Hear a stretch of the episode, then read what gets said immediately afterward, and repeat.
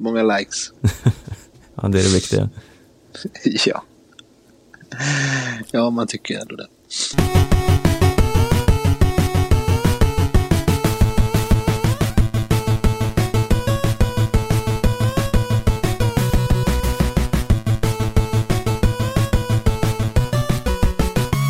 Kära vänner, god jul och gott nytt år. Den här semestern är det viktigaste för många av oss. Nu för tiden försöker vi spendera tid med familj och nära och kära. Snälla dem. Vila från den och ladda energi för det nya året. På dessa semester gör vi planer och drömmer. Önskar och tror på det bästa. Jag önskar att den 2020 ger mycket glädje och framgång. Så att var och en av er ska gå i uppfyllelse vad som gjordes för kampen om klockspelet. Att vara med goda människor och lojala vänner.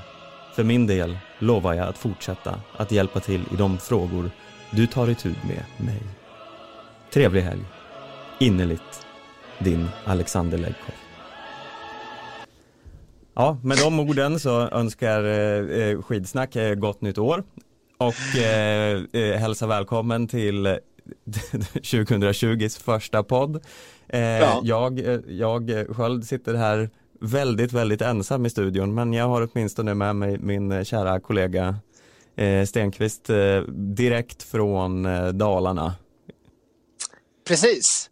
Är det någonstans man ska befinna sig när man spelar in skidsnack så är det väl egentligen Dalarna, Sveriges skid, eh, ja vad ska man säga, mecka. Ja, men det, jag tänkte säga huvudstad, men det är inte riktigt, det är kanske inte, man kan inte säga huvudstad. Men Nej, det är ju det är ändå, geografiskt eller, ja, fel. Det är bara att kolla på världseliten just nu. Vart kommer eh, alla bästa ifrån? Ja, det är ju Dalarna. Det är Dalarna, Dalarna, Dalarna. Är det verkligen så? Ja, men du ser Kalle Halvarsson, en av världens absolut bästa skidåkare. ja, jo, det... Från Dalarna. Ja, det är ju sant världens bästa sprintrar är ju definitivt från Dalarna. Ja. Eh, så att, ja, nej, jag vet inte vad jag ska säga. Det, så är det ju bara. Ja, Okej, okay. uh, you rest your case. Yes. Som man säger. Men det åks inte så himla mycket skidor, eh, eller? Är det det du eh, gör? Nej, nej, det kan jag inte säga att det har. Jag har med mig en, en hel takbox med skidor.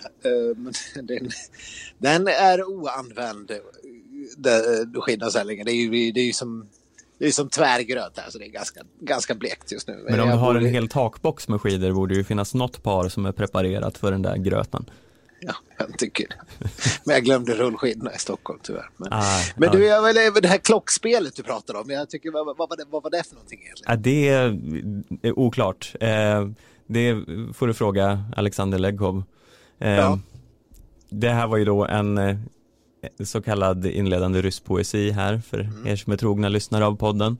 Ehm, och eh, ja, det var väl eh, Legkov som önskar gott nytt år. Ja. Det är väl inte så mycket mer att säga om den saken. Var... Nej, men det, man blir väl varm i hjärtat att få en sån lyckönskning från en sån eh, legendar. Ja, ja men absolut. Med kanske möjligtvis befläckad, eh, ja, nu ska vi inte gräva ner oss i sånt. Ändå. Hur är läget hos dig Stefan? Eh, jo men det är, det är primare. Det är ju i, dock i ins, i inspelningens stund är det ju Tour de Ski-fri dag och det är ju lite trist. Man har ju nu vant sig vid det här att ha ett lopp varje dag och avnjuta.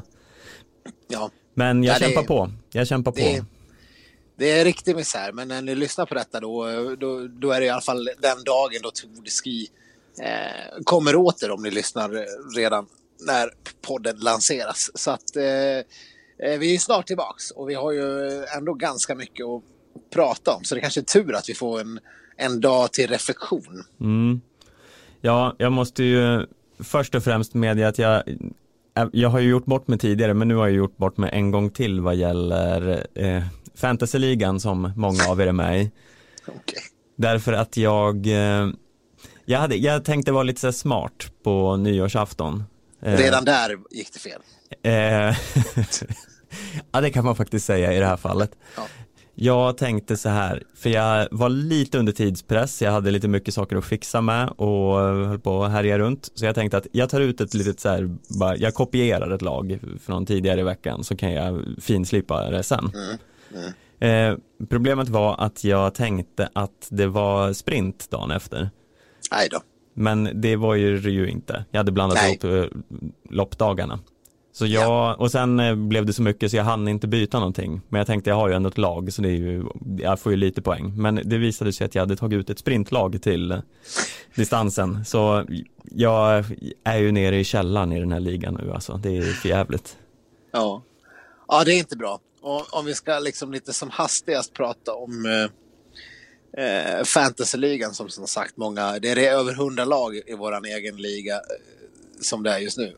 Så eh, ja, vi är ju akterseglade i år. Vi har ju ingenting med tätstriden att göra, men vi har ju folk i våran liga som är bland, eh, bland eh, världstoppen, så att det är kul. Mm.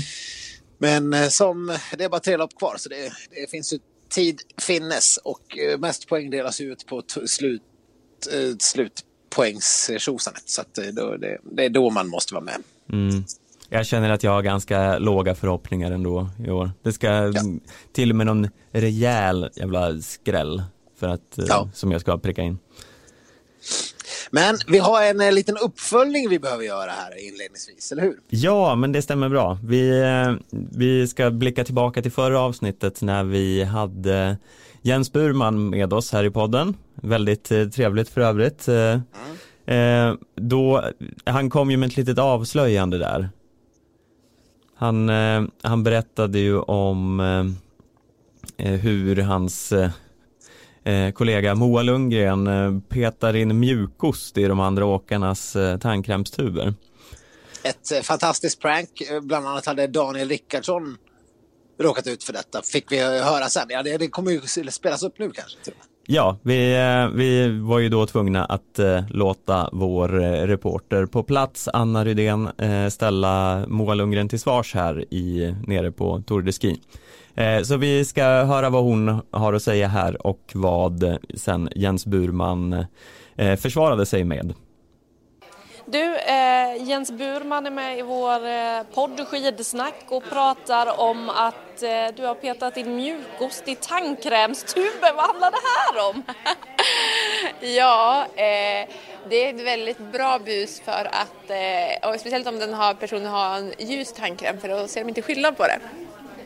Vilka har råkat ut för det här undrar man ju genast. Eh, ja, jag har faktiskt testat på Daniel Rickardsson här. Eh, och sen har en vän till mig som eh, var bodde hos mig i somras gjorde jag det och hon förstod inte riktigt vad som var grejen förrän jag berättade. Då tyckte hon att det var, det var jätteäckligt i några dagar men trodde att tandkrämen var dålig. Vad sa Daniel Rickardsson då? Ja, han, han hade ändå förstått att det var något lurt med det men han hade inte trott att det var jag. Har du några andra sådär bus eh, up your sleeve som du skulle kunna utsätta dina kamrater för? Eh, jag kan tyvärr inte, jag har en hel del som jag eh, går och filar på emellanåt men eh, jag kan inte säga, säga dem för då blir det lätt hänt att det kommer fram att det är jag. Är det någon som ligger i riskzonen? Eh, jag skulle säga att Jens Burman ligger väl ganska mycket i riskzonen efter det här. Jag kanske inte skulle ha nämnt det. det är, ja, nu har man golat ner henne också så det var väl inget bra. Jag fick mig en utskällning här förut så jag får väl be om ursäkt. Jag får väl hålla koll på mina egna tandkrämstubor framöver här nu då. Du har inga pranks eh, sådär som du skulle kunna utsätta henne för? Jo, men det tänker jag inte avslöja. Det kan jag inte göra. Jag kan nog vara lite jävlig jag ibland. Men då, um, ja, Nej, vi får se. Ja, så, så lät det när Moa Lundgren fick eh, förklara sitt tilltag. Ja. Och ja. Hon, verkar inte, hon verkar inte skämmas så mycket. Nej, Nej men det är, det är ju lite, det är lite rätt var. Han är ju han är en golare, det får man ju säga. ja. det, får man, det får man väl ändå ge. Och det, det, det vet man ju att golare har inga polare. Nej, Nej det är Eller, rätt sant. Snitches get stitches, som vi också brukar säga. Ja, det, men det, jag känner ju lite skam nu nästan för att man kanske startar någon form av eh, ohälsosam prank-epidemi där nere efter att det här har kommit till ytan. Men vi, Nej, jag, vi är jag, ju känner, ändå... jag känner ingen skam, jag känner en, en stark förhoppning av att vi har gjort det. Ja, det beror ju att det kommer- på vem det drabbar. Tänk om, tänk om det drabbar liksom en, en eh, Kalle Halvarsson med eh, svaga nerver och så sabbar det hela hans eh, fina Tour Ski-början. ja. ja, fast det beror väl på, det beror väl som sagt på om det, är, om det handlar om att klippa sönder kalsonger och ja, en annan klassiker, jag gillar ju den här där man drar gladpack på toaletten. Mm. Den hoppas jag att någon gör. Så att det liksom skvätter. Om man försöker kissa. Men Det funkar, det, ju bara, det funkar ju bara på män eh, som ståkissar. Det funkar inte. Annars tror jag att det märks när man väl sätter sig ner. Ja, men tänk om det skvätter på landslagsdräkten och så blir, ser den liksom så här nedkissad ut i spåret. Det, är- det är ju inte bra tv-mässigt. Nej, det vore ju det vore faktiskt lite förargligt om hela, hela landslaget skulle komma. Vi har ju dålig färg också på det här viset. Ja, Sverige. ja, det kan ju synas faktiskt. Ja, ja precis. Det här Nej, kanske är ett prank som Norge ska testa istället. Ja, precis. Det är lite mer förlåtande dräkter. Ned, nedkissningskompatibla. Ja. ja, nej, vi får väl se. Vi, vi, vi får väl hoppas i alla fall att det bedrivs lite pranks. Eh, Moa lovade väl här nu att hon skulle, att, ja, han skulle få igen. Ja, ja jo, men det, det ser vi fram emot att se resultatet på efter sin golning. Så att det, det är bra. Det, det blir uppföljning på den. Ja, men det är väl ändå hög tid att eh, börja, alltså grotta ner oss lite i eh, säsongens kanske största höjdpunkt här, Tour de Ski, som har kommit halvvägs eh, nu när vi är under inspelningen här. Eh, och det har väl sett väldigt mycket upp och ner ut, kan man väl eh, bara sammanfatta det som lite snabbt. Ja, eh, för svensk del tänker du på eller liksom rent eh, Tour de Ski känslomässigt? Alltså mycket svensk del, men bara på det, på det stora hela. Det- Jag tycker det, det jag tycker det inte känns så konsekvent i år. det, Nej, eh, vilket kanske både är bra och dåligt. Eh, ja. Det, ja. Jag förstår hur du tänker för jag känner, man känner ju lite samma sak. Det är ju det, det, det är lite konstigt. Det känns som att touren är annorlunda i år fast den är ju inte riktigt det. Nej, det är så här, man har sett ett lopp och förväntar sig att det ska se ungefär lika ut i nästa som det brukar och det har det ju inte riktigt gjort. Eh, men det är, alltså på många sätt så är ju det ganska härligt och eh, främst så kan man väl eh, säga att det känns ju otroligt skönt att eh, Therese Johaug har fått lite match. Ja. Ja, men på alla, verkligen alla sätt. Och att, eh, att Ebba Andersson ändå har eh, i allra högsta grad med det här att göra känns det ju som. Mm. Nu är det ju vi- visserligen Östberg som, som lyckades spöa Johaug här i ett lopp eh, i jaktstarten. 10 kilometer fristil. Eh, jag, jag, jag fattade först inte. Det, det, jag var lite konfunderad när jag kollade på den där jaktstarten. För att jag trodde det skulle vara en jaktstart som de tidigare har gjort när de har liksom kört en mitt i med hela torställningen har jag för mig att man har gjort. Mm. Där man kan ta ifatt. Men nu var det jaktstart bara på själva loppet, det individuella loppet som dagen innan. Som en så här gammal klassisk jaktstart. Mm. Som de såg ut förr i världen. Det var, mycket, det var mycket som var förvirrande med den här jaktstarten för det var ju också jag, jag vet fortfarande inte riktigt om jag begriper hur allt var men det var världscupstävlingen räknades enligt placering men eh, delsträckan räknades åktiderna och ja, jag vet inte. Det, det känns Nej, som man räknar ut i huvudet och sen glömmer man bort det direkt hur det egentligen funkar. Nej, men precis. Nej, men det rimliga tycker jag hade varit att man hade kört en jaktstart beroende på hur det såg ut just nu i touren. Så att det kunde liksom... Jaktstarter brukar göra att saker och ting tajtar till sig. Man går upp i klungor och man hjälps åt och man drar och man liksom... Eh, så allt brukar ju liksom... Allt brukar tajta till sig. Vilket jag tycker skulle vara en poäng med att ha en sån ungefär mitt i touren. Så att man liksom, om det är något som har dragit iväg så kanske man, det kan finnas liksom möjligheter. Eh, om någon som har gjort en dålig inledning kan komma ifatt på, på ett bra sätt. Man kan tjäna väldigt mycket sekunder hit och dit. Det såg vi för övrigt, det kan vi ju prata om direkt. Kalles eh, lopp där. Eh, när han eh, han och Bolsjunov jagade kapp och Stjugov. Och sen, sen var det ju så att Kalle och de var ju jättelångt före övriga kurvan och till slut så men sen när Kalle fick lov att släppa då var ju han helt plötsligt 51 sekunder bakom Bolsjunov igen. Mm. Och Bolsjunov hade dragit ifrån eh, Ustjugov också med massor. Men sen i mål då skilde det 13 sekunder till Ustjugov och typ så här 20 sekunder ner till resten av klungan. Det gick ju skitsnabbt på slutet att tiden bara liksom gick fram och tillbaks. Mm. Eh, Så på jaktstarter hände det ju supermycket hela tiden. Så jag hade tyckt att det rimliga hade varit om man hade haft en jaktstart på hela Tor-resultatet. Men det hade man inte och som du säger, det, allt blev lite komplicerat mitt i allt. Ja, eh, det var lite svårt att hänga med. Det var, det var svårt även när de förklarade i tv, så jag, jag lyssnade men det gick inte riktigt in. Nej. Så som Nej. det ofta kan vara. Och då har vi inte ens pratat om hur, ja men det här, ja, vi har ju pratat om det flera gånger, men hur svårt det kommer vara att hänga med på söndag, det kommer ju vara eh, i princip omöjligt för att det är totalt... eh, Nu har vi inte sett hur grafiken kommer vara och hur de kommer liksom lägga upp det i tv-mässigt, men ja, tänkte vilken mardröm. Och, och, tänk att ha köpt biljetter och ska stå där och heja. Ja, det går i alla fall långsamt, så man, man kan ju se vad som sker Jo, åtminstone. Ja, nej. ja, men den har, det där debaclet kanske vi... Ja, vi får se om vi ordar om, mer om det. Men eh, något vi, vi borde prata mer om är ju Ebbas eh, sagolika comeback.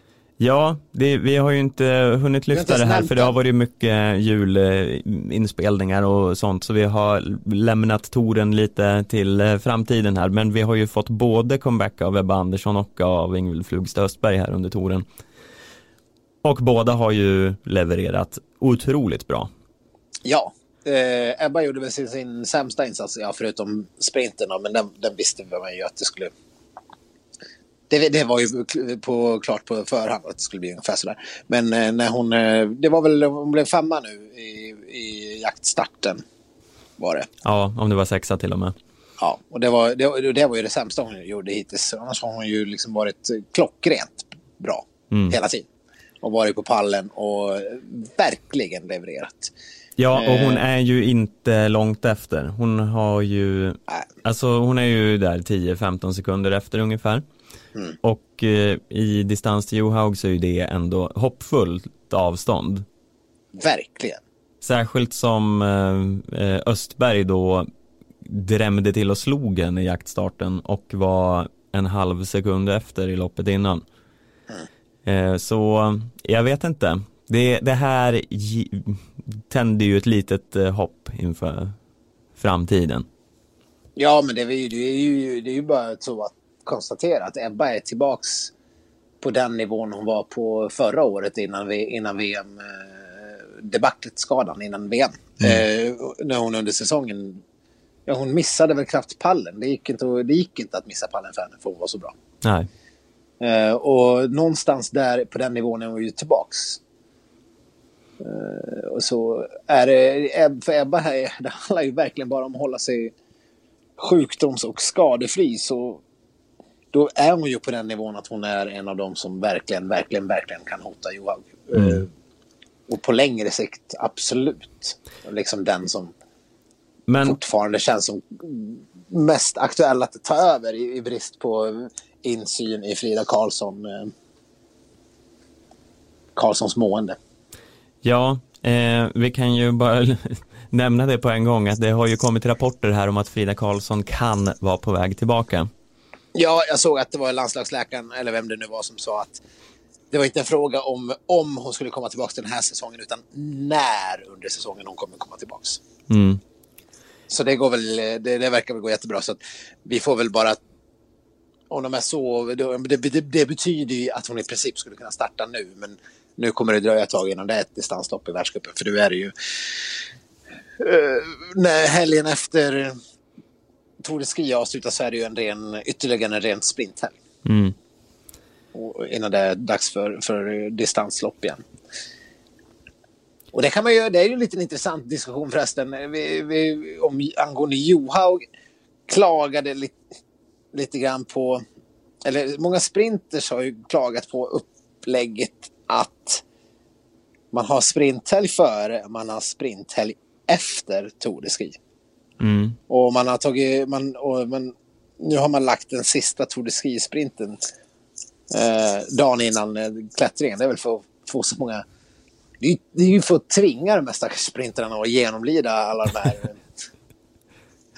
alla de här... Eh, Ja, Ja. men de kan behöva öva lite på längre sträckor de också. absolut. Eller? Ja, men eh, tävling Måste, ger måste, man, färdighet. eh, måste man vara bra på distans? Vi- vi- Jag menar, vi har ju ändå två discipliner. Det är ju inte som... Jag, jag vet inte, det kan inte vara allas mål att vara bra på både distans och sprint. Nej, å andra sidan, Maja Dahlqvist ligger ju utöver tre eh, kvinnor från Kazakstan ligger hon sist i sammandraget just nu. Ja. ja, hon blev ju helt sist i ett lopp. Bara Mm. en sån sak. Det är ju bara det imponerande. Eh, och då kanske det hade varit fördel, fördelaktigt för henne att få sprinten lite tidigare så hon kunde bara lämna skiten. Ja. Jag, jag har inte, I poddande stund så har inte jag i alla fall hört eller sett hur, hur det blev nu. För hon var väl lite inne på om hon skulle hoppa av eller inte. Men jag, jag har inte hört att hon hoppar av så jag tar antar att hon fortsätter. Ja, vi, vi får väl se hur det utvecklar sig. Ja. Men, eh, ja, inte vet jag. Det, det känns ju som att eh, Tour de Ski är lite upplagt för distansåkare på det viset. Mm. De har liksom tävlingsfria helger innan och efter och ja. De, eh, ja, de, de gynnas ju självklart av den eh, sista.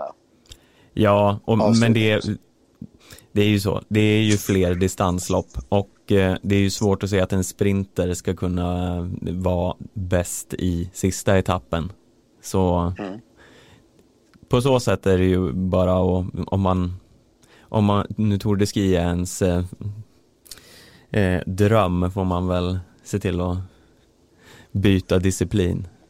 Kämpa Styggt. fram lite längre muskelfibrer och sånt som man Ja, men är det inte lite magstarkt av Johaug att klaga på på, eh, på att, eh, att sp- sprintarna får så mycket bonussekunder liksom, med tanke på hur manegen är krattad för, för Johaug och sådana. Jag vet inte. Jo, eh, det eh, kan jag absolut hålla med om. Eh, men eh, hon, är, hon måste väl liksom, hon känner väl att hon inte har så mycket att klaga över så hon, hon tar det hon, det hon kan. Ja, annars irriteras man ju fortfarande över hur... Ja, det- Och det är väl liksom, vi i media får väl ta på oss en hel del av den eh, skulden. Men jag är... Ja, jag blir fortfarande... Varenda gång jag ser det, och det, det ser man ju varenda vecka när, när Johaug ska tvingas svara på frågan. Om det, finns det verkligen någon som kan slå dig? Och hon säger ja, det finns så många som kan slå mig. Alltså, eh, enligt Johaug så skulle det finnas någon liksom Sri Lanka-åkare som förmodligen skulle kunna komma in och hota. Ja, ja, Johaug är ju en, eh, en riktig underdog om man får tro henne själv. Ja, ja men verkligen. Hon är, hon, är- nej, hon, är, hon, hon är bland de sämre på touren. För vem som helst kan ju hota henne på en bra dag. Ja, ja, gud ja. Får man det att låta som.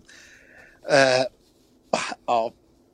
Så det, men det är klart, det är skönt att hon fick stryk av Östberg eh, för att ändå liksom visa att någon kunde slå henne. Men eh, annars så är det ju ingen som hotar riktigt rimligt. Förrän nu när Österberg och Ebba har kommit tillbaks. Är Ja, så man får väl ändå eh, konstatera att det var ju välbehövligt för hela sporten att eh, Östberg och Andersson kom tillbaka. ja, verkligen. Annars hade den här touren varit mm, svintråkig. Särskilt när den, den saknar ju rätt många bra också, som, eller många, men Permekoski skulle man ju haft där uppe. Ja. Rimligtvis. Eh, så eh, glappet blir ju rätt eh, rejält och när en sån som Frida Karlsson är borta också. Ja. Och Kalla, ja jag vet inte vad, vad ska man säga om Charlotte Kalla. Eh, ja, ehm, det, det är väl den här nivån hon är på helt enkelt. Ja, Det känns inte som att vi kan förvänta oss så mycket mer av henne för det är ju det är inte som att hon har glänst till eller sjunkit tillbaka. Hon ligger ju där i kring. ja precis. Och det, det här var, jag, jag vet inte om alla minns det här, men det var ju för några år sedan, säg att det var typ tre säsonger, det var ungefär likadant. Men då, då var ju Kalla fly förbannad efter varje tävling som slutade så här. Mm. Eh, nu orkar hon ju inte ens bli arg längre. Nej, eh, på något vis. Hon kan så här muttrade. Det var någon gång hon hade dåliga skidor och muttrade lite om det. Eh, det var, hon, hade, hon uttryckte sig väldigt roligt. Eh, och vad fan var det hon sa? Men att, att liksom, ja, men att det fanns, det fanns där. Jo, åkningen fanns där, men men, men det var uppenbart att skidorna var kast. Det här var ja, ja, du menar nu när hon, när hon klagade på vallarna utan att säga det rätt ut, men det var ja. helt uppenbart vad hon menade. Exakt. Ja. jag vet inte, hon uttryckte det på något konstigt sätt, men, alltså, mm. men åkningen fanns där. Åkningen mm. fanns där, typ, typ så sa hon. Och, kunde, ja, och, och då var det till, som sagt ett fristilslopp och ändå, ändå misslyckas. Jag, jag börjar bli mer och mer tveksamt inställd till det här vallateamet. Jag undrar om, om vi är... Jag tror inte vi är i världstoppen när det gäller vall, vallning i alla fall. Nej, men det är ju för att ja, de, de har ju fått ett nytt vallateam i julklapp av mig om du minns rimstugan här för, ja. för ett tag sedan. De, de har bara inte kommit på platsen. Nej. Det tar lite tid att leverera ett helt vallateam till eh, Toblach. Du kanske ska sluta köpa dina julklappar på Ö och B? Eh, ja, det, det båda ju inte gott för valla-materialet heller om, om det är därifrån det införskaffats. Nej. Inget ont om Ö och B, det är säkert en jättebra affär. Mm. Men eh, man vill ju liksom, vill, när det handlar om det svenska skidlandslaget då bör det ju inhandlas på NK. Liksom. Mm. Så är det bara. Vi måste ju för övrigt eh, också eh, eh, nämna det här dystra inledningsbeskedet här. Eh, Stina Nilsson gjorde ju en ganska kvick sorti från Tour de Ski. Ja. Det rimmade, hörde du? Vad heter det? Sor eh, kvick sorti från Tour de Ski. Kvick sorti från Tour de Ski. Vill du ha en applåd? Eh, ja, gärna. Ja, okay. ja, ja, du, nivån är högre. Det är ganska syrefattigt här även fast jag är ensam. Kan vara för att jag gick upp tidigt i morse. Men... Jag märker det. Ja.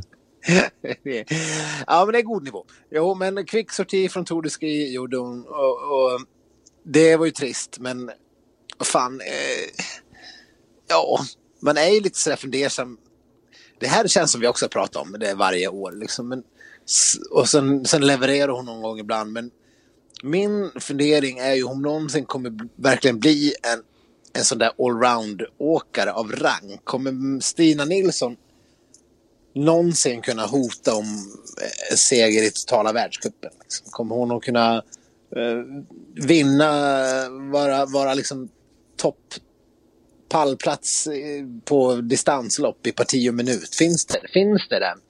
Ja, det, är ju, nu, det tveksamma är ju att hon är så ojämn, för hon har ju sina stunder. Hon vann ju förra säsongen i ja. avslutningstoren och hon har ju ibland extremt bra distanskapacitet, men hon verkar ju inte kunna hålla den under särskilt lång period. Nej. För helt plötsligt är hon ju inte, hon är ju inte tia sen, hon är ju 55 liksom. Ja. Och då har man ju inget i totaltouren att göra. Nej, och det är märkligt det där. För jag, nu, är, nu är inte vi någon form av väl, fysiologiska experter. Men vad det är som gör att man så kan ha sån otroligt hög högsta nivå. Men sen en sån ojämn nivå överlag. Och liksom inte bara en låg lägsta nivå utan liksom Ja, nej, man, man vet inte. Det finns inte den här, jämn, inte den här liksom Ebba Anderssonska jämnheten. Men de är ju, det är två totalt väsensskilda skidåkare. Så det är ju liksom dålig jämförelse i sig. Men, men som en sån som Östberg till exempel. Kanske inte Östberg anno 2020 men Östberg anno 2018, 19 där. Ja, Nej. men en, så här, som en Priajeva exempelvis. Mm. Det... Diggins. Diggins, det är ju en sån åkare man skulle vilja ha och det är ju där vi har satt eh, ett litet hopp till Frida Karlsson. Eh. Ja, fast Frida Karlsson och kunna hota i sprint, jag vet inte om det någonsin kommer kunna bli så. En, en Diggins eller, eller en, eh, ja men som sagt Neprajeva, en sån där som skulle kunna vinna eh, både sprint och distans när det väl klaffar. Liksom det, det, är en sån åkare man vill ha. Man, man hoppades att Stina Nilsson skulle kunna utvecklas till att bli. Men jag vet inte om vi kommer verkligen kunna få se det. Det, det, känns inte riktigt så. Men Det är ju lite trist för det är ju någonting hon har själv uttalat att hon har haft som ambition att kanske bli. Mm. Men nu är ju frågan här om, för hon hoppade ju av tourerna för hon, hon kände av sin revbensskada eh, mm. som hon tidigare sagt har varit helt lugn. Mm. Men eh, då undrar man ju lite om hon har besvärats av den här tidigare och bitit ihop eh, och att det har haft med det att göra eller att det har varit formen som har brustit. För har, man har ju inte riktigt sett den gamla goda Stina Nilsson än den här Nej. säsongen. Nej, men det skulle inte förvåna alls om det är så att hon har haft sändningar men inte liksom sagt någonting rent offentligt. Hon, hon är ju väldigt hemlighetsfull av sig och vill, ha, vill hålla allt väldigt liksom... Ja, det finns något engelskt uttryck för det här som jag inte minns. Close to the heart, höll jag på att säga. Men liksom, det ska vara, det ska vara, det ska vara inte så många som... Eh... Vilket originellt uttryck. Ja, Men nej, det, det, är inte det jag, jag är ute efter. Men skitsamma. Hon... Ja, det skulle inte förvåna sig om, eh, om hon eh, har känt av att det är därför hon nu liksom känner ändå att det här inte håller längre. Speciellt som hon kanske inte har distansformen. Inte ens sprintformen har ju varit där hittills. Och eh, det är så pass det är fyra hårda lopp innan nästa sprint. Så det känns ändå rimligt att, att ta beslutet och hoppa av. Mm. Eh, ja, absolut. Det känns ju rimligt. Men det är ändå något så här, jag vet inte. Jag, det, det är något som stör mig lite med att det, hur kan vi ha så många skadade och sjuka åkare hela tiden? Mm. Alltså hur är det möjligt? Har Therese Johaug någonsin varit sjuk? Nej. Alltså jag kan inte minnas att hon har varit förkyld en gång. Nej. Men alla svenska åkare är ju liksom, det är ju något med luftrören eh, varannan helg. Ja. Alltså Kalle Nej, Halvarsson åker ju ett av tio lopp. Ja. Ja, det är oerhört märkligt. Men det var väl faktiskt någonting som jag, jag läste någonstans att Oskar Svensson hade uttalat sig om att det här är något som vi behöver, vi behöver kolla på det här. Mm. Alltså på ett djupare plan och på med någon form av eh, över, en övergripande grepp på varför det ser ut så här, det svenska skillnadslaget. För något, något fel är det ju. Uppenbarligen. Har, har de liksom, pressar de på någon slags eh, luftkonditionering på rummen så att de eh, blir eh, ja kalla och sjuka och, och inte kan eh, reglera kroppstemperaturen? Ja, man funderar ju. Nej, men något, eh, no, jag menar det är ju, det, där det liksom blir ett par, tre skador och sådär, då, då, då blir det illa. Men det är så många som vi har haft eh, i svenska landslaget, det är ju det är mer än ett par tre. Det är jätte, jättemånga och det, det kan inte vara en slump. Då, då, då, då den sannolikhetsläran går, funkar inte. Det, det, det, kan inte vara så att så många skadar sig samtidigt. Det, då, det är bara att kolla på lag, fotbollslag som har drabbats av många skador. Det är, det är någonting man har gjort fel mm. någonstans i, i uppbyggnadsträning eller i slitaget på hur man tränar eller återhämtning. Alltså det det, då är ju svaret där någonstans. Mm. Och det här är också uppenbarligen någon slags eh, ryggparasit som ja. infekterat eh, åtminstone tre åkare.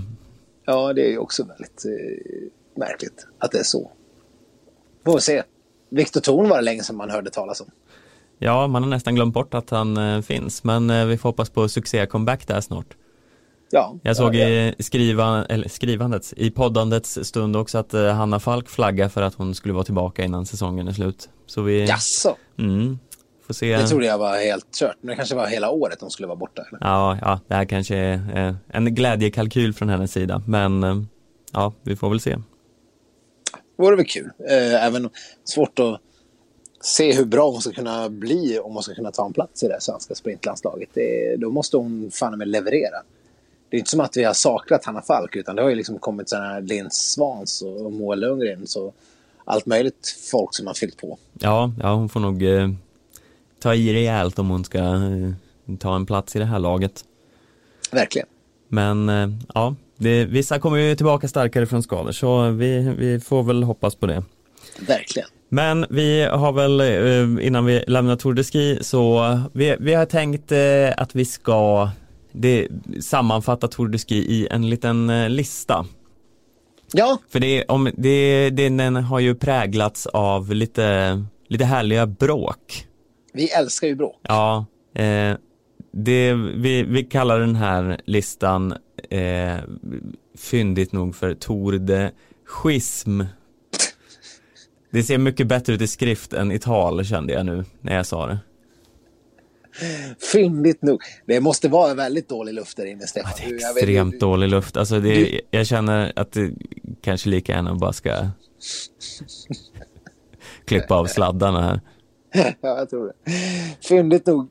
Eh, ja, Man kanske inte ska säga att ens grejer är så fyndiga heller. Det, må, det får man liksom tycka själv som lyssnare. ja. Nej, ska jag tycker att ni som lyssnar, ni kan väl, ni kan väl mejla skidsnacket aftonbladet.se eller skriva på eh, Instagram hur pass fyndigt ni tycker namnet Tour de Schism egentligen är. Eller gör inte det förresten. Nej, skit i det. Skit i det. Det, det är som Ja. med iTunes-kommentarer om att man skrattar dåligt. Man, Vissa saker vill man bara inte höra, men Mm. Ja. man kommer inte må bättre av, av, för det. Jag ska eh, jobba med djup självrannsakan över min fyndighet här till nästa gång känner jag. Ja, det tycker jag verkligen. Det tycker jag är ett, ett råd du överlag ska ta till dig. When you're ready to pop the question, the last thing you want to do is second guess the ring.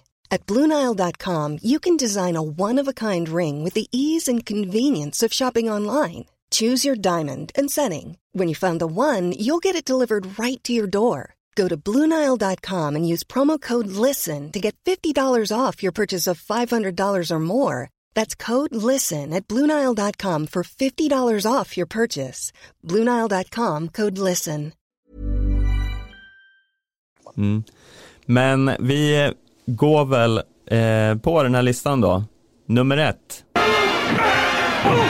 Det här är ju, eh, vi- har en svensk åkare som lyftes till, eh, alltså en ny nivå i och med det här. Vi pratar Ja. om Carl-Johan Westbergs eh, verbala attack på Bolsjunov. Gudarna ska veta att jag i, i podden genom åren har varit eh, minst sagt hård mot Carl-Johan Westberg. Det får Eh, man, ja. det får man säga. Ja, jag har liksom sett hans eh, deltagande i landslaget som ett slöseri med, med time and space. Mm. Tills nu. Men nu, är- nu allt är flott. Det här är den, den, hans episka eh, attack på Bolsjunov här gör ju att jag, jag, jag stryker alla hårda ord jag någonsin har sagt. Jag lägger mig platt och eh, är nu en stor Carl-Johan Westberg-fan. Han får aldrig lämna landslaget igen. Nej, eh, för er som har missat det här så han hade lite problem i sprinten och eh, tampades med bland annat Bolsjunov och eh, knäckte en stav, eh, vilket han skyller på Bolsjunov. Han glider sen i mål eh, som eh, längst bak i fältet och skriker What the fuck man till Bolsjunov direkt efter målgång. Något som väl inte det som stod poäng med eftersom eh, Bolsjunov väl bara? Eh, för han förstod inte engelska. Eh, Ja, det, det var väl inte ens en stav. Han tyckte väl att Bolsjunov hade kört, över båda hans stavar. Och ja, det kanske var han som tog båda. Eh, eller så... Det här var väl i typ sprintkvartsfinalen eller vad det var. Och Carl-Johan Westberg hade ju åkt ganska bra. Hade någon form av halvmöjlighet att ta sig till semi till och med. Mm. Eh, men nej, sen blev det det här beryktade what the fuck man. Alltså det, vi hade gärna spelat upp det här men tyvärr är ljudupptagningen så extremt dålig på den här sekvensen så man hör inte riktigt eh, eh, om man inte eh, spetsar öronen eh, superväl men det är lite svårt att få ut det i ljudkvalitet här men det, Ja. det var ju en otrolig stund. Det skulle man behöva en sån där liksom typ så här på 24 eller de här på tv de är väldigt bra. Om det är någon sån här grynig bild tagen från någon, eh, från någon eh, övervakningskamera i Teheran. Då kan man ändå liksom så här superzooma in till någon liten registreringsskylt. Och de här snärtiga datorteknikerna kan, gör, kan på tre sekunder få fram eh, en, en, en sylvass bild av själva registreringsnumret eller vad det är de är ute efter. Vi skulle behöva den typen av expertis för att kunna bryta ut Carl-Johan Westbergs What the fuck man ur det här eh, klippet. Ja, Någon, Eh. någon, någon datanörd i 24 hade behövt komma till undsättning. Ja. Sen kan jag ju tycka att för Carl-Johan Westberg bad ju om ursäkt efteråt. Eh, och sa att det här inte var så, ett så uh, moget uttalande. Ja, det tar ju ner det lite grann. Jag tycker Ja. man ska be om ursäkt. Jag kan ju tycka att han kunde stå för sitt what the fuck man. Ja, Eh. det tyckte jag verkligen gjort. Ja. Eh, och sen har ju då Rysslands eh, eh, landslagstränare Markus Kramer eh, kontrat med att han tycker att eh, det här var eh, inte bara eh, uselt av Carl-Johan Westberg och att eh, den här ursäkten inte räcker. Nej. Han kallar ju hela svenska landslaget för, vad var det han sa? Eh, lipsillar. De lipar. Ja. Lipsillar, ja. ja. Mm. Varenda gång. Det är samma sak med Halvarsson. Mm. De lipar alltid. Det händer för alla åkare. Bryta stavar, krascher. Det är en del av spelet sprint. Eh, Men jag kan inte förstå varför de svenska männen alltid lipar. Är det så, Stefan? Lipar svenska män alltid? Eh, alltså, jag vet inte om de är värre än några andra. Jag tycker alla gnäller ganska mycket i sprint. Var det Ja. inte Belorukova som försökte spetsa Frida Karlsson till döds förra året när hon hade för aggressiv stavföring? ja, det, var, det, det är i och för sig sant. Mm. Hon viftar ju med sina stavar som att hon försöker mörda folk. Jo. Det är, så, så är det ju. Fast då var det ju Ryssland som lipade. Ja. Ja, ja, absolut, de lipade. Men Marcus Kramer är ju, eh, är ju också en citatmaskin av rang. Om det, det, är- ja, det är ju väldigt eh, tacksamt, eh, gissar jag, att som journalist, eh, när man får i uppdraget att gå och prata med Marcus Kramer, för då vet man att man kommer gå därifrån med guld. Ja, det är tur att de har en tysk eh, förbundskapten. Ja, annars skulle man behöva stå med de här tolkarna.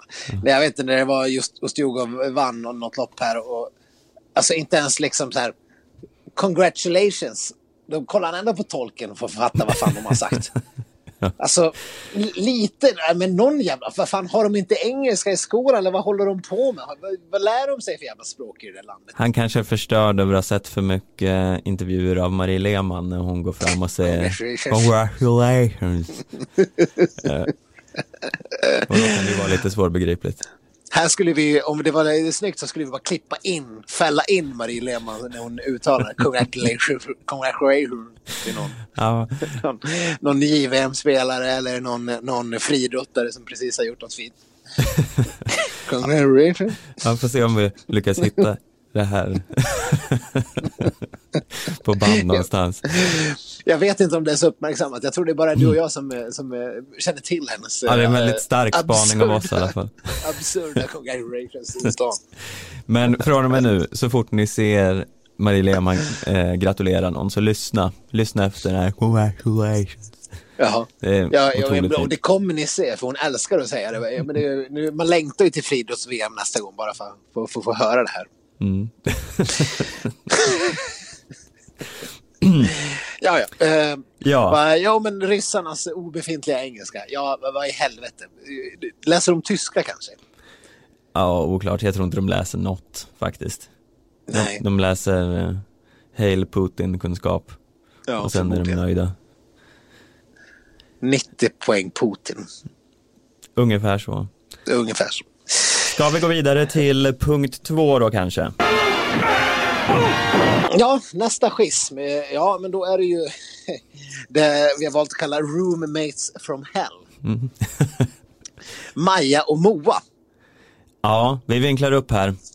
Eh, en aning Ja, kanske. vi hade ju redan Roommate from roommates. hell. Eh, Ja. Men det var under en period kan det inte ha varit kul att komma tillbaka till det där hotellrummet. Nej, men det här verkar vara lite av en svensk paradgren. För att bara helgen innan så hade vi ju faktiskt eh, eh, när Stina Nilsson var det väl som eh, plöjde ner Linn Svan Ja, precis. under sprintstafetten eller vad det nu var. Eller om det var sprinten. Ja, det var väl i sprinten va? Ja, det är individuella sprinten. Mm. Eh, ja, Stina Nilsson gjorde någon form av, liksom, i hockey skulle man kalla det en bröstvärmare. Mm. Sån på, på Linn Svan. Och Linn Svan eh, hade den här episka minen när hon eh, åkte in över mållinjen. Ja, Eh, hon såg ut som att någon hade liksom tagit hennes mjölk, stulit hennes karameller och eh, typ skurit halsen av hennes katt. mm. Och eh, Plus att man hade precis sagt åt henne att eh, hon, var dum och ful. Mm. Ungefär så såg hon ut. Ja, det var ett ansiktsuttryck att minnas och eh, det är ju ganska förevigat överallt. Så hon kommer nog få Ja. leva med det där resten av sitt liv. Ja, resten av sitt liv. Men precis, det var ju förresten li- lite intressant. Stina Nilsson är ju, hon har ju ändå en viss, eh, vad, vad, vad kallar man det, en viss eh, rangordning. Vad heter det? Status. Ja, Ja, en viss status. Om, om Stina Nilsson har bröstvärmt omkull Linn Svan så är det ju ingenting som drabbar Stina Nilsson. nej. Hon, hon, är- det, hon står ju över det. Hon, hon kommer inte kunna... Hon, hon kommer dels inte ta någon fan och skulle hon få någon fan så skulle hon inte bry sig. nej. Eftersom hon är Stina Nilsson. Ja, är Eh, Så lite- Linn Svan kunde inte göra så mycket. De fick väl vackert dela rum även den kvällen. Det är lite tajtare i fallet som vi faktiskt eh, syftar på här, eh, Maja Dahlqvist och Moa Lundgren. För Ja. De, eh, det, man såg ju inte jättebra på tv-bilden och de har ju inte gett någon jättebra förklaring där heller vad som hände. Nej. Man såg ju bara att de gled ur kurvan och så ser det ut som att Maja Nilsson, bara, eller vad säger jag, Maja Dahlqvist glider in i Moa Lundgren Ja. och fäller henne. Här skulle vi också behöva den här da, snille datateckningen från 24 som skulle kunna hitta, eh, hitta någon annan övervakningskamera eh, från någon annan vinkel som fångade hela förloppet. Mm. För på SVTs bilder så, så ser man ju tyvärr inte. Man ser som sagt ingången i kurvan och sen när Maja Dahlqvist tror jag som skriker äh, nej! Eller vad hon är, liksom, hon sa någon form av primalskrik. Mm. Eh, och eh, hur de brakar in i backen. Men det känns ju lite, för det kändes i efterhand i alla fall som att eh, åtminstone Moa Lundgren tyckte nog att det var Maja Dahlqvists fel. Mm.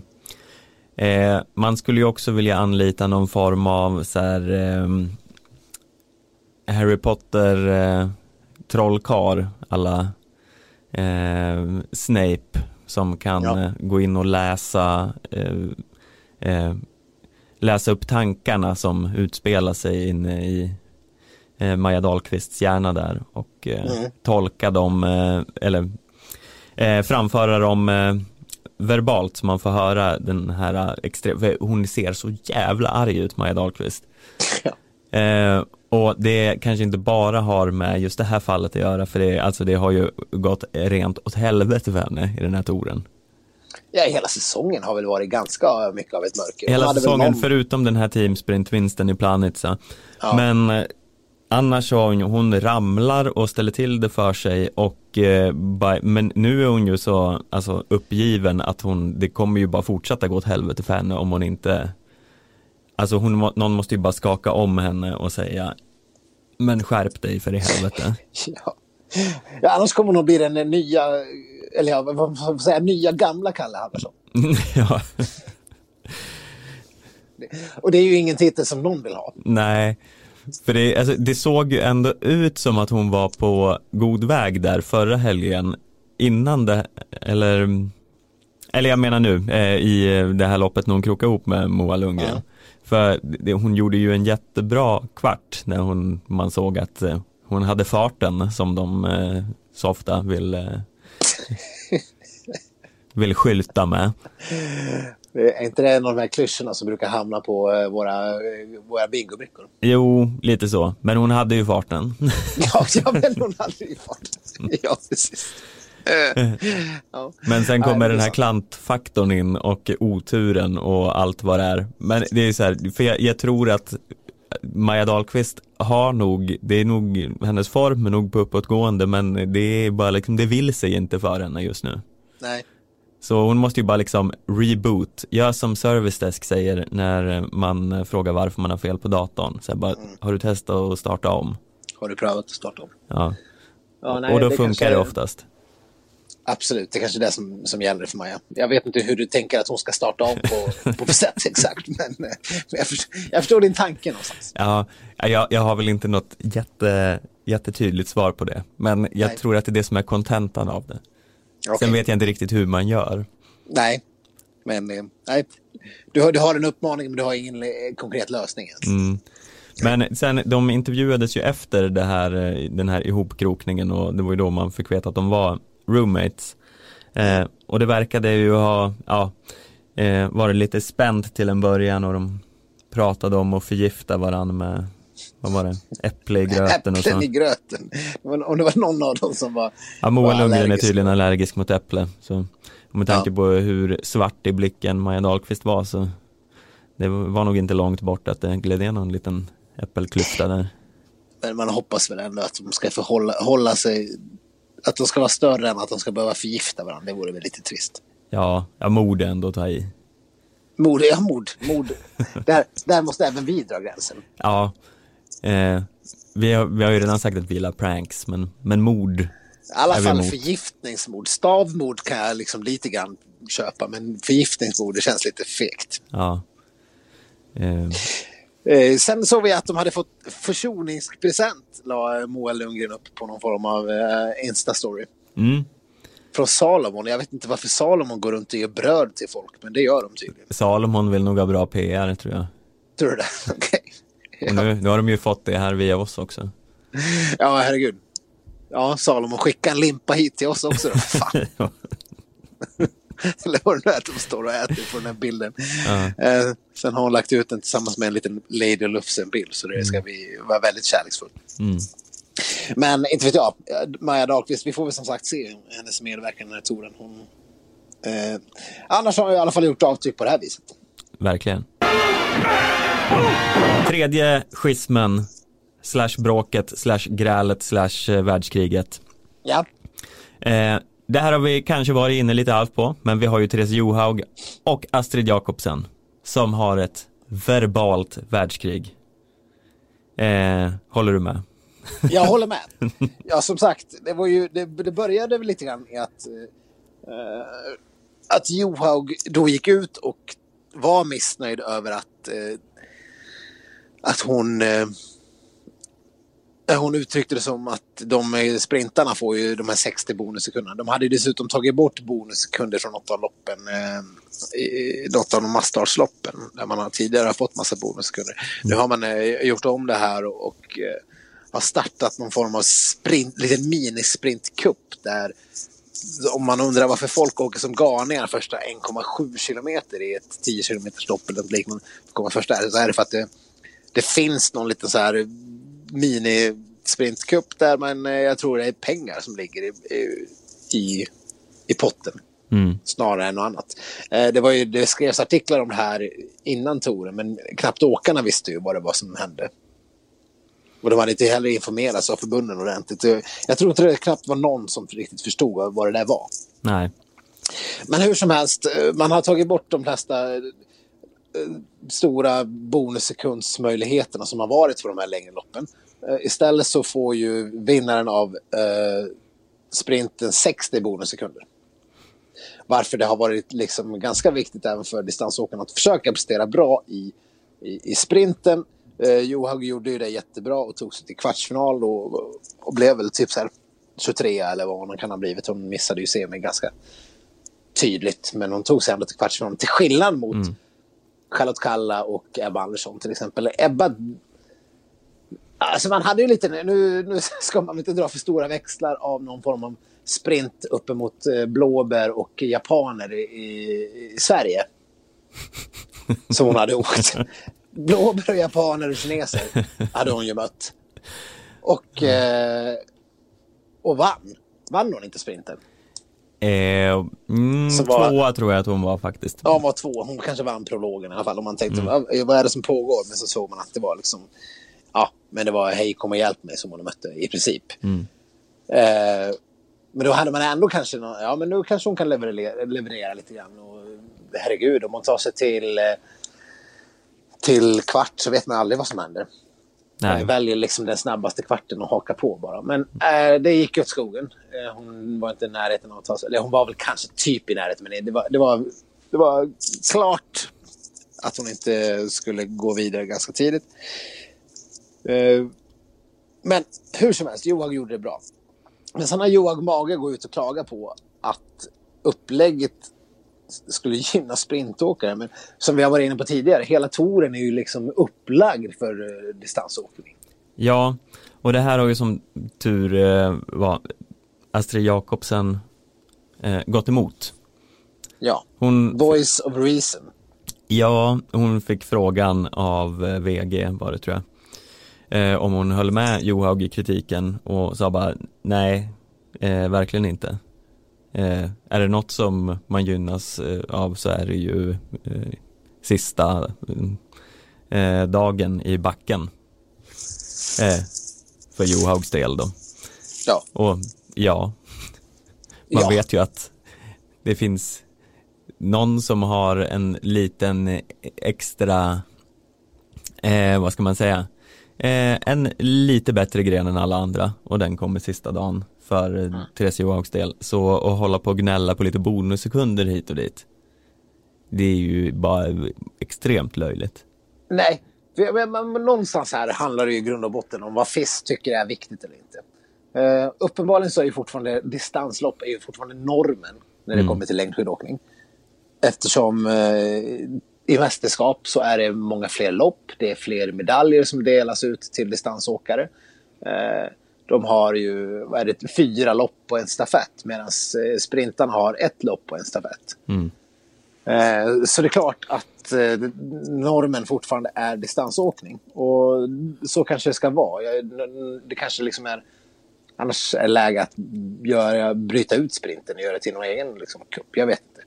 Men så länge man har det integrerat som man har det nu, då måste man väl ändå göra någonting för att jämna ut oddsen lite grann när det är sådana här torer. För då måste väl... Och då är det väl just bonussekunder på en sprint en, en bra väg att gå. Mm. För annars, eh, annars är ju som sagt allt upplagt för distansåkare. Ja, Om det inte skulle finnas något sånt. Och de ska få massa bonus. Det blir ju extremt orättvist eftersom... Ja men det är väl bara att kolla på Tour. Vi har fem... Vi har sju lopp varav fem är distanslopp och två stycken är sprintlopp. Så redan där har man ju satt ner foten och visat vad man tycker är viktigast. Ja det här får Så ju... eh, ja, det borde ju liksom, om, om, det ska vara någon, om det ska vara rättvisa, då ska det väl vara... Ja, ja. Då ska det väl vara hälften hälften i lopp då. Ja, nej jag, vet, jag tycker det är ganska glasklart vart man ska stå här. Jag är team eh, Jakobsen i alla fall, vart är du? Ja, ja, ja, verkligen. Jag skulle vilja vara som eh, Marcus Kramer och säga att det bara gnälls. De bara lipar. Mm, Lipsillar. Lipsillen Johaug. Vi går vidare till plats eh, nummer fyra på listan. Den Eh, här, den här platsen, har liksom ingen, det är ingen ranking eller så. Vem, vilken schism som är värst. eh, nej, det, det får man utse själv. Mm. Ja, Eh. vi, bara, vi bara gör listan. Man, man får en intern rangordning. Eh, vi har ju till bråk på samma linje. Det här kanske är ett eh, lite ensidigt bråk. Det här handlar om Charlotte Kalla versus Tiril Udnesväng. Mm. Eh, Kalla har varit ute och eh, flängt i en kurva och eh, eh, åkt av eh, lite stavar och sånt. Ja, Buttats, puttats. Jag minns inte Kul. exakt vad det var hon gjorde. Men hon, eh, hon gav eh, Weng en liten eh, tjottablängare. en bröstvärmare. Ja. Och Kanske. det, tyckte inte hon om så hon skrek åt Kalla. Och eh, det är återigen en sån här grej som man, gud vad synd att det inte liksom, finns mikrofoner i de här eh, dödskurvorna. Ja, verkligen. Det skulle man vilja se lite grann som, eh, ja, men, eh, som i NHL eller något, när de myggar upp domarna eller spelarna. ibland. Ja, gud, det är ju en jättebra idé. Tänk att ha, tänk att ha en, eh, mygga upp Spitsov eller, eller Kalle Halvarsson eller vem fan Mm. som helst. Spitsov eh, kanske inte man får ut så mycket av eftersom man inte förstår vad han säger. Nej. Men, eh, Nej, nej, det är sant. men, Men eh, eh, Bolsjunov hade ju åkt och skällt på Kalle när, han, när man ville ha upp honom att han skulle dra. Mm. Eh, men problemet var att han ju pratat ryska så Kalle hade ju uppenbarligen inte fattat. Jag vet inte, hur, hur pass arroganta är ryssar egentligen? Tror de att alla andra snackar ryska? Det är liksom... Det är som den här historien, Eh, är det Filip och Fredrik som brukar dra den eller vad det är? Men um, ja, ja, det finns någon anekdot om uh, hur två stycken uh, någon arbets affärsman i Kina som uh, är där och har lärt sig att prata kinesiska och sen är, ute och pratar med någon kompanjon nu och så går de förbi två byggarbetare som säger den ena, eller två gatsopare och så säger den ena så pratar de kinesiska varpå ena gatsoparna säger till sin kompis Va? Vet du, jag, jag, jag måste ha lärt mig engelska precis för jag förstod vad de sa. Va? Trodde alltså att de här eh, västerlänningarna som eh, såg väldigt västerländska ut måste ju ha pratat engelska förstås. Kunde inte förstå att de pratade eh, kinesiska. Det var, det var, om det är så ryssarna tror att hela vä övriga världen agerar. Alla kan ryska liksom. Mm. Så kan det inte vara. Ja. ja, men man, Men- ja på något sätt så, ja, det, man skulle kunna tänka sig att de, eh, de har den självbilden. Men om Bolsjunov nu vill att Kalle ska upp och dra, då får han väl åtminstone kasta ur sig äh, två ord på engelska. Ja. Man tycker ju att de kun, skulle ju kunna lära sig någon fras åtminstone. Man kanske ska skriva en liten sån här eh, idrottsparlör till ryska landslaget med några få enkla meningar. Det här räcker ju kanske med Google Translate. Ja. Eh, Hjälp till och dra för fan. ja, så här, som en liten eh, ordbok bara, som man kan dela ut till ryssarna. Ja. Viktiga. Ja, men det, det, det får bli något för ett skitsnacksavsnitt någon gång. Mm. Den lilla, den lilla ryska parlören. Ja, de tio mest användbara eh, fraserna skidlopp. Skitsnacks lilla röda kan vi kalla det. Ja, Ja. det blir kul. Det ser Ja, jag fram ja emot. det är, här har vi ett löfte som vi får se om Ja. vi håller. Eller ett hot. Mm. Det beror på hur man säger. Eh, men eh, det var inte det vi pratade om. Vi pratade om, eh, om Terry Lundsäng och Charlotte Kalla. Ja, Eller hur? Eller var vi klara med den? Vi har inte ens sagt vad som hade hänt. De, Terry Lundesväng rök ihop och skrek massa fula ord. ja. Eh, Kalla hon bara vek sig ju ganska platt. Det var ju det som tog ner det här bråket lite för hon bad ju bara om ursäkt. Vilket jag tycker är fel. Hon borde, hon borde kunna Stina Nilsson uppa det här bråket. Jag menar, Tiril Uddnesväng, vem fan är det? Ja, precis. Du, Man, du har liksom en brylling som är bra på att åka skidor. Håll käften. Mm. ja, man får ju faktiskt se till vart man står i den här uh, skidåkarrangordningen. Kalla Ja. ligger ju ändå ganska högt upp.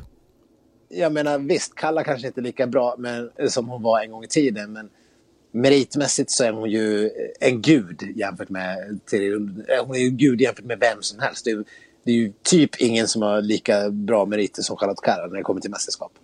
Nej, Har, har ens Johaug det? Jag vet inte. Jag, jag, jag på, rakt upp och ner så kan jag inte svära på att jag tror att hon eh, har, är lika framgångsrik.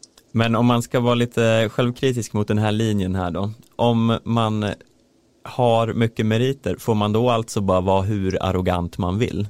Ja, Mm, okej. eller vadå? Det är väl, det är väl helt solklar linje. ja. Ah, ja, nej men jag ville bara göra det klart. Det finns väl en vet. hackordning. Sån här som Terry Uddesväng, de, de ska bara vara tysta och liksom se, se ödmjuka ut. Att de får åka sida vid sida med Charlotte Kalla. Och sen om Charlotte Kalla väljer att bryta hennes stavar, då är det så att man får hacka i sig. Ja, en stav är också en, en stav liksom. En stav är också en stav. Vad betyder det ens? Jag vet inte. Ja, den, den kan du fundera på. Ja, det, här, det, här, det, var något, det, var, det var något djupt som jag inte förstod. Ja. Visst. Nej, men det, du har rätt Stefan. En stav är också en stav. Mm. Det tycker jag vi tar med oss. Vi tar då den sista eh, och den kanske mest intressanta eh, schismen vi har här på listan. Ja, Eh, och den, den står ju mellan vår gode vän Kalle Halvarsson och eh, hans eh, lilla jojo-form som vi kan kalla den. Du menar Kalle Halvarsson, en av världens bästa skidåkare? Ja, eh, mot Kalle Halvarsson, en av världens sämsta skidåkare. Ja, ja precis. Den schismen som, som är ständigt pågående i Kalle Halvarssons huvud. Mm. Det måste vara så svårt. Alltså tänk dig att vara Kalle Halvarsson och vakna upp på morgonen. Alltså, han, han, kan inte ha, han har ju ingen aning om hur det här ska gå idag. Nej, Alltså, vad, vad, kom, vad kommer hända? Kommer jag bryta benet på väg till frukostmatsalen eller kommer jag vinna ett världscuplopp? mm. Kommer jag komma 93 eller kommer jag komma tvåa? ja, Han kan ju aldrig ha en aning. nej. Är jag Någonstans. förkyld eller är jag frisk? Vet inte. Vet ej. Eh, nej, det är liksom, nej, det, det, man, man har ingen jävla aning med honom längre. Ja. Och Nej. han har ju ingen aning själv heller. Nej, det är det som är så... Han skulle ju, han, han avbröt ju sprinten och var inte ens med i finalerna på grund av vad det nu var. Nej, han gjorde ju, det var ju ändå snyggt. Han kliver in och liksom, vad blev han? Typ femma i prologen eller något sånt där. Det var riktigt bra eh, oavsett. Och visa att han har ju verkligen farten för att eh, Nu drog du klyschan prologerna är ju igen. oftast ganska fingervisande för hur, hur, i vilken form man är i när det gäller sprint. Man ser ju väl, väldigt ofta att de som är högt upp i prologerna också eh, står där till slut i finalen. Eh, det är inte sällan som, som det visar sig stämma väldigt bra, vilket inte helt ologiskt heller. Men, men eh, sällan ser man någon med nummer 27 stå i finalen. Så är det bara. Nej. Eh, och Kalle var väl ja, men femma någonstans eller något liknande. Och sen kastade han in handduken och det får man väl säga visade sig vara eh, briljant. Han hade väl ingen val för han hade ju ont. Ja. Eh, men också att ha så ont att man inte kan åka sprint. Nu förstår jag också att, att åka en sprint är självklart eh, ganska krävande rent fysiskt. Men det måste väl ändå 15 kilometers monoton rörelse också vara?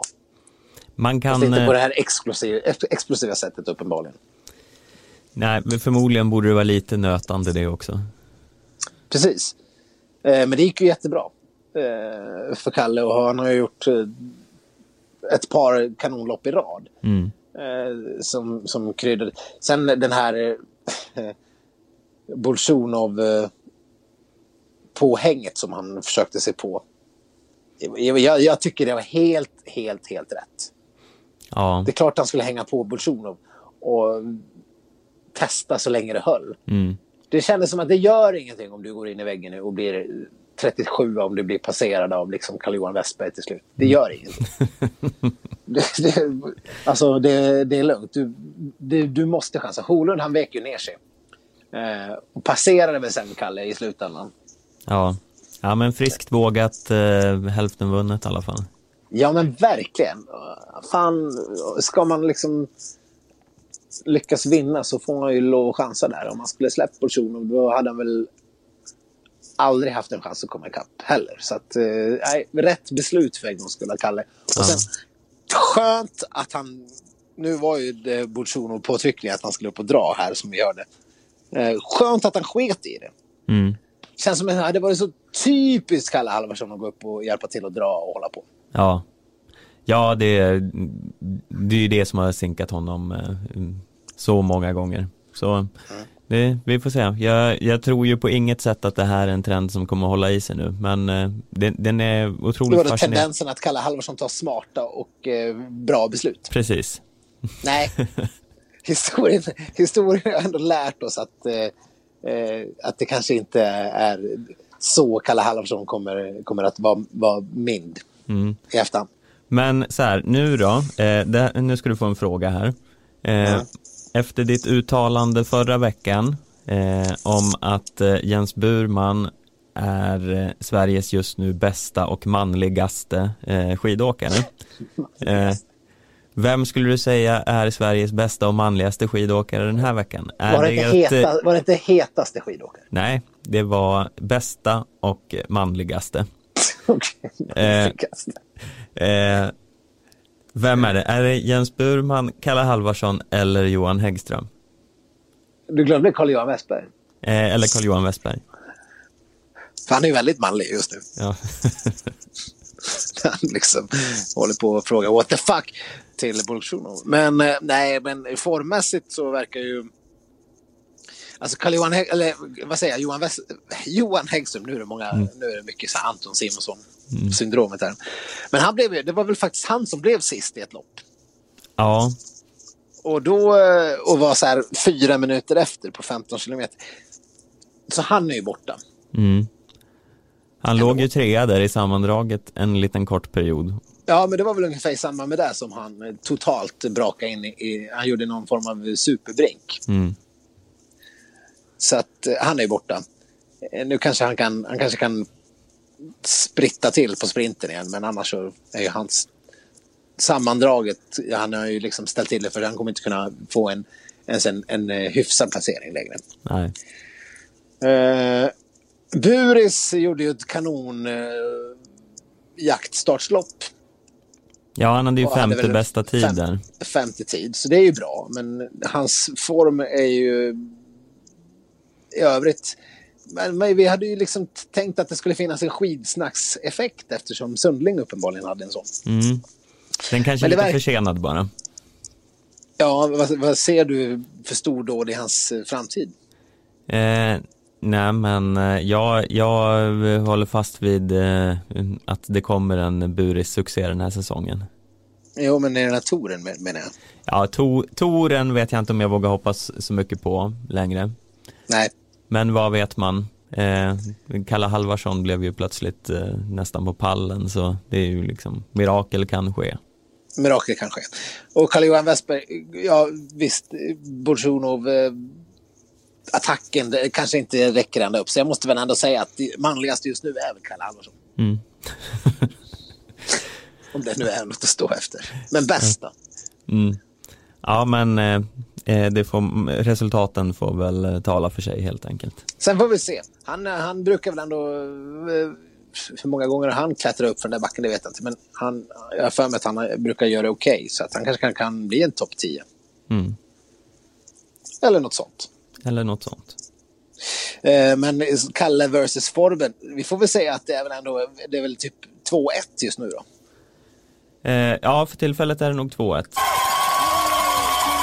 Ja, vi ska väl ta och avrunda denna podd och eh, vi är ju nu mitt i Tour de Ski och den kanske redan är slut när ni eh, eh, lyssnar på detta. Vad vet vi vad ni har för vanor? Eh, men vi kommer ju återkomma till eh, detta nästa vecka och summera det hela. Eller så är ni bland de här eh, forskarna som om flera tusen år lyssnar tillbaks. Ja, precis så kan det också vara. Som har grävt ut de här poddarna i någon gammal utgrävning i Egypten. Ja, precis, i något bergrum som, eh, där de har lagrats för att säkra viktiga, dyrbara skatter från mänskligheten utifall kärnvapenkriget, eller när det kommer. Mm. Hur skidsnack hamnar i, i Egypten vet jag inte riktigt. Men eh, det känns ändå logiskt på något sätt. Okej, ja, säkert. Ja, Ja. Eh, vad fan, eh, när vi kommer tillbaka så har vi ju i alla fall ett resultat att tala om. Och sen har vi en massa annat eh, spännande som säkert har hänt. Så att eh, det kommer bli ännu ett kanonavsnitt. ja, det tror jag. Och förhoppningsvis är väl du tillbaka i studion här också så vi slipper eh, ha sånt här eh, distansljud att lida av. Ja, verkligen. Det får vi verkligen hoppas. Eh, och det tror jag att det ska vara. Mm. Eh, Så att, eh, Till dess så får ni väl som vanligt kontakta oss på sociala medier, Instagram och Facebook på skidsnack eller på skidsnack.aftonbladet.se. verkligen, Eh, så hörs vi igen nästa vecka. Ha det fint. det gör vi. Ha det bra. Hej då!